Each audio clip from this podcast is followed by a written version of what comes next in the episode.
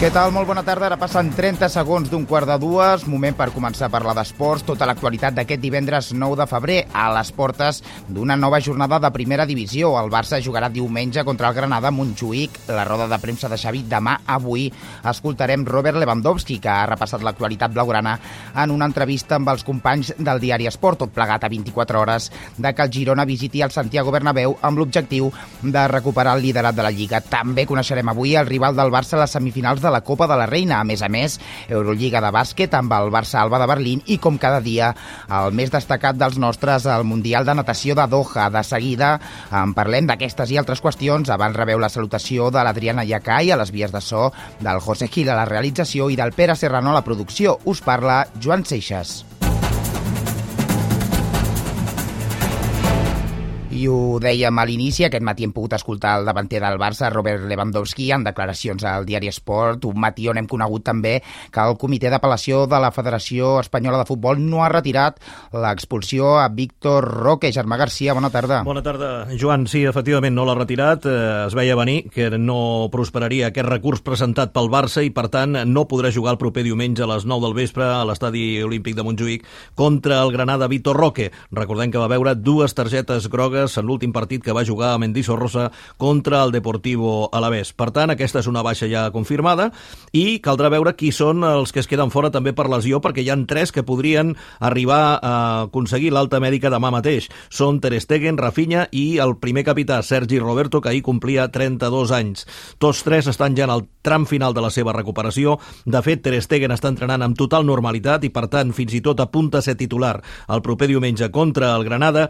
No així Rafinha Vinya i Sergi Roberto, que possiblement si entressin en la convocatòria que has de rebre, que has de rebre l'alta mèdica, serien suplents per a aquest partit. Les baixes confirmades per lesió són les de Marcos Alonso, Valde, Gavi, Joao Félix i Ferran Torres. Com bé deies, demà hi haurà una última sessió preparatòria a partir de les 11 del matí a la ciutat esportiva Joan Gamper i aproximadament cap a la una del migdia escoltarem en conferència de premsa el tècnic Xavi Hernández. També se suposa que demà hi haurà convocatòria, uh -huh. a no ser que es vulgui esperar Xavi, que ja ho ha fet en alguna ocasió, el mateix diumenge al matí per veure si encara dona temps a poder recuperar algun jugador més. I com també comentaves, declaracions al diari Esport de Robert Lewandowski. Unes declaracions en les que s'ha solidaritzat molt amb el seu tècnic, amb Xavi Hernández, després de conèixer que el 30 de juny marxarà de la banqueta blaugrana, i això sí, ha reconegut que és un moment complicat per tots, perquè no estan sortint les coses com en un principi havien previst, i també és complicat pel mateix Xavi. Escoltem Lewandowski. Es muy difícil el momento, no, solo para los jugadores o para, para mí, pero para, para Xavi también. Yo entiendo que, que es para, para él. Es de Barcelona, ex jugador de Barcelona, ahora es eh, un entrenador de, de FC Barcelona. Es em, del lado emocional, es muy difícil para Xavi. Y yo entiendo que, que pasó o que, que pasar para, no solo para él, para su familia también. Yo creo es mejor si estamos más eh, concentración para este momento o hasta la final de temporada, no después, y con, con Xavi podemos ganar. És a dir, que es poden aconseguir títols si hi ha la unió que tant ha demanat eh, Xavi Hernández, ja no només al vestidor, sinó a tot el barcelonisme. I un Lewandowski que també l'escoltem amb aquesta reflexió que fa eh, sobre quan se li pregunta sobre el possible entrenador que caldria pel Barça. Ell, de moment, tenint a Xavi a la banqueta, no vol parlar del possible nou entrenador. Ahora no, no quiero No quiero hablar sobre nuevo entrenador próxima temporada porque más importante está Xavi, ahora es Xavi y nosotros y esta temporada. Es muy importante. No, quiero, no quiero creer que, que pasó después de temporada. No, ahora con Xavi estamos un equipo. Eh, queremos eh, todos juntos eh, ir en un, una dirección y todos juntos podemos solo ganar. Doncs aquestes eren les reflexions que feia Lewandowski en declaracions, com dèiem, al diari Esport. Demà, com et deia també, Xavi Hernández amb roda de premsa a partir de la una del migdia. Gràcies, Germà. Bona tarda. Bona tarda. El plat fort del cap de setmana, però, serà el Madrid-Girona, que es jugarà demà al Santiago Bernabéu. Anem fins a Girona per conèixer les sensacions a un dia d'aquest duel pel liderat de primera divisió. Josep Guardiola, bona tarda. Bona tarda. Doncs fa escassos minuts que s'ha conegut la convocatòria que dona Mitchell per al partit de demà, en el qual els blancs i els gironins s'hi jugaran el lideratge d'aquesta primera divisió. Convocatòria en la qual la novetat és Artem Dovik. El davanter ucraïnès es va perdre l'últim partit a casa davant de la Real Societat. Ahir ja es va entrenar amb normalitat. Avui entra la convocatòria estarà a disposició de Mitchell. Recordem que el Girona té per aquest partit, més enllà de la baixa del propi tècnic que estarà a la graderia, les de Blin i Yangel Herrera. Un partit que el Girona malgrat la importància que té i la transcendència que ha tingut en aquests últims dies, ha volgut preparar amb tota normalitat, ho diu el tècnic. Normalitat, normalitat. Eh, per mi és un partit eh, que nosaltres eh, hem de disfrutar i també ten, tenir una mentalitat per, eh, per patir bueno, en l'aspecte la, defensiu, perquè el Madrid en duels és un equipàs, és el millor equip eh, de la Liga i fa eh, en atac eh, una circulació de pilota molt ràpid, és el millor equip en, en aquest sentit pel que fa a l'encontre de demà, s'enfrontaran un Real Madrid invicte a casa amb una Girona que no ha perdut eh, com a visitant. Més enllà del partit del resultat i del que se'n pugui esdevenir, per Mitchell és un escenari perquè el seu equip tingui un reconeixement a la bona feina que està fent. Queremos ganar en el Bernabéu para bueno, que la gente nos reconozca eh, el trabajo que estamos haciendo, pero, pero sin más, no vamos al Bernabéu como el objetivo de ganar la liga, porque creo que es muy difícil, muy complicado y hay que tener los pies en el suelo. Es, tenemos que ser capaces de ir partido a partido e intentar agarrar el, el objetivo de Europa lo antes posible. Demà, Joan, en parlarem més detingudament. Els grans dubtes, però, per l'11 inicial, saber qui acompanyarà Eric Garcia a l'eix de la defensa, qui estarà al costat de l'eix Garcia en el doble pivot. Demà, més ampliació. Gràcies, Josep. Bona tarda. Bona tarda.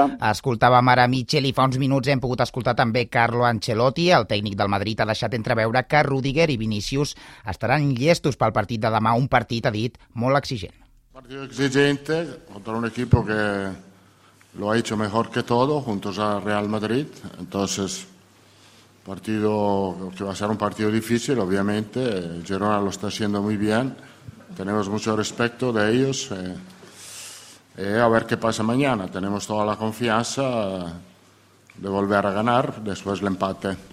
Avui ja es juga el primer partit de la 24a jornada de primera divisió. Serà el Cádiz-Betis a les 9 de la nit. A la segona divisió, el Llevant Leganés obrirà a dos quarts de nou la 26a jornada. L'Espanyol jugarà demà al camp del Racing de Santander i fa uns minuts, Àlex Carazo, bona tarda. Bona tarda. Hem pogut escoltar el tècnic Luis Miguel Ramis. Sí, nova oportunitat per l'Espanyol i per Ramis d'aconseguir una victòria a domicili que no arriba des de fa ja 7 partits des del 5 d'octubre a Cartagena. De fet, encara hi era Luis García a la banqueta i amb ell es van aconseguir els únics 3 triomfs dels blanquiblaus lluny de l'Stage Front Stadium. El que vol dir, evidentment, que Ramis encara no ha guanyat fora de casa. La semana ha sido buena, intensa, como siempre tratamos de que sea, responsable, de mucha información para los jugadores, de reforzar las cosas buenas que hemos hecho, de separarnos de las malas, que son más buenas en casa que lo que hemos hecho fuera de casa, y bueno, intentar acercarnos a esa versión y con ese ánimo trabajamos. Li han preguntat al tècnic sobre l'estat de Brian Olivan després de les declaracions dilluns del director esportiu Frank Garagarza, on va dir que no li constava una lesió. Lo que yo considero es que él puede jugar, pero que está limitado. Yo he sido el que toma la decisión de dejarlo fuera. Él lo ha entendido y él, esta semana, por ejemplo, la anterior, el día, el día de partido Levante, no había entrenado toda la semana. Esta semana, poco, ha entrenado también con el equipo, muy poquito. Bueno, él está en esa fase de recuperación y cuando vuelva, que por lo menos que esa molestia no le limite, porque creo, y esto es una decisión mía, que le está perjudicando en el rendimiento. L'Espanyol comença la jornada com a quart classificat a només un punt de l'Eibar, que és segon i a 5 del liderat del Leganés i el Racing, Joan, està situat en mitja taula 11. Gràcies, Àlex. Bona tarda. Bona tarda. El Barça femení, de la seva banda, coneixerà en uns minuts el seu rival a les semifinals de la Copa de la Reina. Els possibles rivals són l'Atlètic Club de Bilbao, la Reial Societat i l'Atlètic de Madrid, que ahir va deixar fora el Madrid en la redició de la final de l'any passat. Aquest sorteig, recordem, ja a doble partit. I un apunt en clau internacional la selecció espanyola masculina jugarà la fase de grups de la Lliga de les Nacions contra Dinamarca, Suïssa i Sèrbia, els partits entre el 5 de setembre i el 18 de novembre. Una i 25 minuts, moment per obrir plana poliesportiva. I ho fem parlant de bàsquet. El Barça rep a dos quarts de nou l'Alba de Berlín en la 26a jornada de l'Eurolliga. Els blaugranes, Jorge Agüero, bona tarda. Què tal, Joan? Bona tarda. Reben el QE amb els possibles retorns de Brines i Caicedo. Sí, però compte que ja hi ha un antecedent, el del partit d'anada el passat 19 de desembre, amb victòria dels alemanys a la seva pista, demostrant que, tot i que són, juntament l'Asbel, el pitjor equip de la fase regular, tenen eines de sobres per complicar la vida a qualsevol. Equip molt fort en el rebot, amb dos pivots pivots que s'hauran de tenir molt controlats, el Xadià Kudmager i l'alemany Timan, un equip també que destaca les estadístiques de pilotes robades, llavors avui Jan Vesely i Billy Hernán Gómez tindran feina. En aquest sentit, de fet, anava el discurs del madrileny a la prèvia.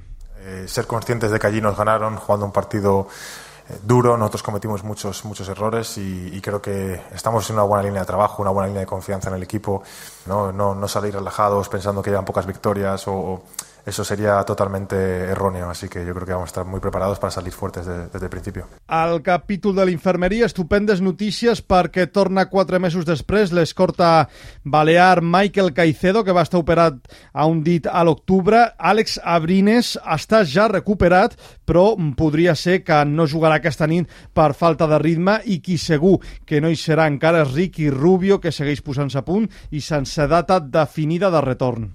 Encara en bàsquet, una més, Jorge, la selecció espanyola femenina va començar el preolímpic amb mal peu després de caure contra el Japó. Una nova derrota complicaria el bitllet per París. Sí, i van ser tan dolentes les sensacions com el resultat perquè van veure un equip sense intensitat defensiva. 75 a 86 va ser la derrota contra les japoneses, un resultat que complica les coses però que ni molt menys és definitiu. En dues hores mal comptades, segon partit a Sopron contra la selecció del Canadà, televisat per cert a Teledeporte, i fins i tot si es perd en aquest cas la classificació encara seria possible. Confiem, però, que això no passi, que avui s'aixequi la selecció de Miguel Méndez. De fet, Anita Radio Gaceta de los Deportes eh, va passar a estar Raquel Carrera i valorava positivament aquest enfrontament contra la selecció de Canadà. Sí, bueno, yo creo que al final se acerca más a nuestro, a nuestro tipo de juego, más, bueno, más jugadoras, tanto interiores como exteriores, y, y, yo creo que para nosotras puede ser un ritmo de juego que, que se habitúa más al nuestro. Per tenir-lo clar, si Espanya perdés avui no estaria eliminada i si guanyés, doncs tampoc estaria classificada al tercer i definitiu partit el diumenge contra els anfitriones. Eh, la selecció d'Hongria decidirà tot. Gràcies, Jorge. Bona tarda. Bona tarda. I marxem cap al Mundial de Doha. L'equip espanyol de natació artística disputa en aquests moments la final de la rutina lliure. De moment, quan només resta la Xina per sortir a la piscina, el combinat espanyol és tercer. Encara en natació artística, els catalans Denis González i Mireia Hernández s'han classificat per la final del duet mixta després d'acabar segons en la preliminar disputada aquest matí.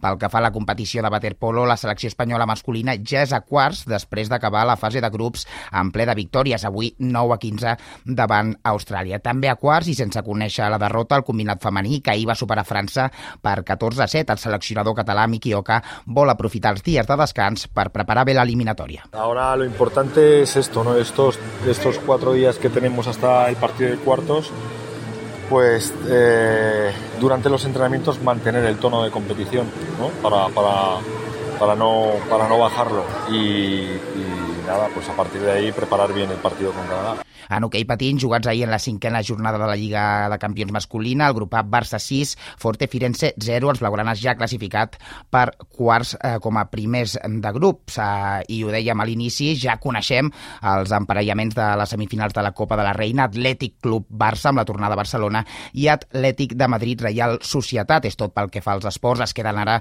amb la informació de caire general amb la Mireia Moreno. Gràcies, bona tarda.